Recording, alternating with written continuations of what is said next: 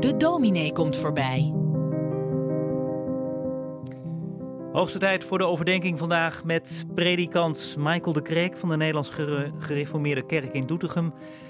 Ja, het voelt nog een beetje onwennig om hier weer uh, samen na lange tijd zo in de studio te staan. Hè? Ja, het is wel weer mooi om elkaar weer zo te mogen ontmoeten. Ja, ja, ja. Hoe, voelt wel weer goed. Ja, voor mij ook hoor. Hoe, hoe was de week afgelopen week? Het was een, eh, een, rustige week, omdat we herfstvakantie hadden. Dus we waren een paar dagen weg. En langzaam weer wat aan het voorbereiden voor, uh, voor vandaag. Mooie doopdienst straks. Mogen we twee kindjes weer dopen. Kijk. En uh, de volgende week hebben we volop activiteiten met jeugdwerk. Dus nou ja, dan, ach, dan pak je de laatste dagen weer mooi mee om weer allerlei werkzaamheden te doen. Ja. Nu heb ik eh, stiekem natuurlijk alvast een beetje naar de ja. overdenking gekeken. Je hoorde het al in de, in de aankondiging. De hemel, daar gaat het over, hè? Ja, nou, dat is natuurlijk een hele mooie vraag. Het is echt zo'n levensvraag van wat gebeurt er als ik hier mijn ogen dicht doe? Waar gaan ze dan open? Of gaan ze wel open of niet? En dat is een vraag die, die mij altijd al gefascineerd heeft. En ik ben dit jaar bezig met een hele serie over, over het boek waar ik zo direct over spreek. En dat is gewoon zo interessant om te kijken nu in deze tijd. Ja, wat, wat hebben wij met die hemel? En wat stellen we ons daarbij voor? Dat is een mooie vraag. Een hele interessante vraag. Laten we snel luisteren. Hoe ziet de hemel eruit? Ja, voor de een is het niet meer dan een blauwe lucht met wat traag voorbijtrekkende wolken. En voor de ander is het een heldere sterrenhemel. Of een plaats waar iemand naartoe gaat wanneer hij of zij sterft. Ik ken eerlijk gezegd maar weinig mensen die denken dat het leven hier op aarde ophoudt als we voorgoed onze ogen sluiten.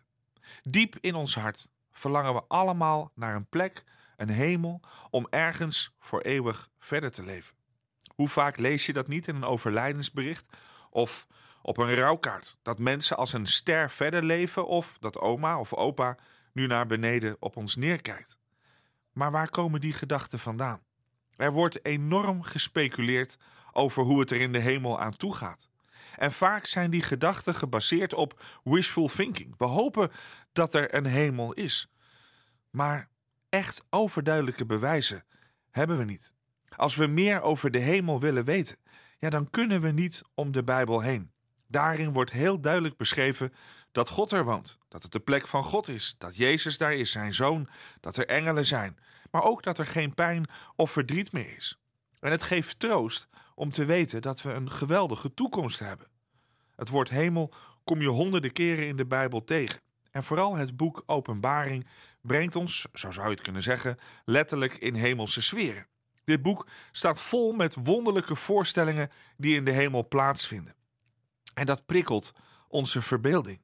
Maar juist anderen hebben vanwege die verbeelding moeite om het een plekje te geven.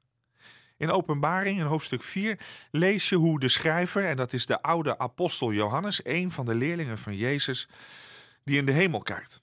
En het begint ermee dat hij een geopende deur in de hemel ziet.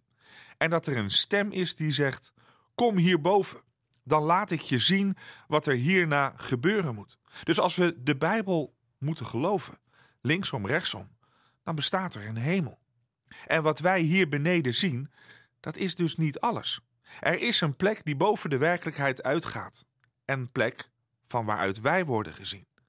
Alleen al met dat ene detail geeft Johannes aan dat God en de hemel veel dichterbij zijn dan je denkt. Er staat: Ik hoefde maar één deur door. En wat Johannes dan ziet is een schitterende troonzaal.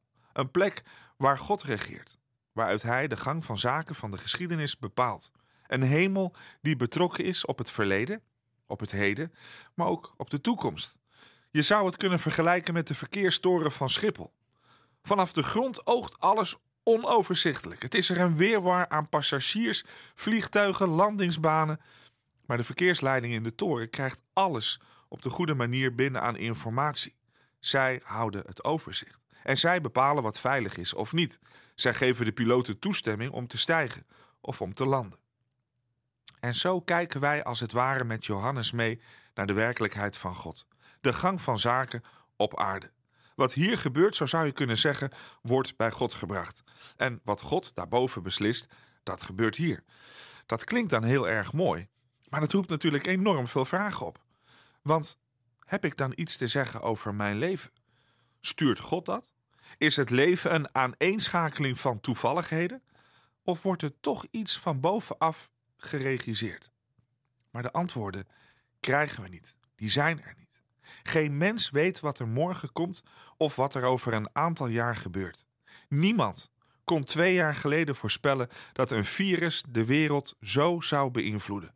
Van mondkapje tot avondklok, van test tot vaccinatie, van afstand houden tot niezen in je elleboog. Wat we niet voor mogelijk hielden, is nu gewoon werkelijkheid. En dan zou je kunnen zeggen: de geschiedenis oogt soms dreigend. Het leven is nou eenmaal grillig, onvoorspelbaar. Maar de Bijbel zegt: ja, maar God in de hemel houdt toezicht, zoals de verkeersleiding in de verkeerstoren op Schiphol. God houdt jouw toekomst en die van de wereld vast. Alleen Hij gaat daarover.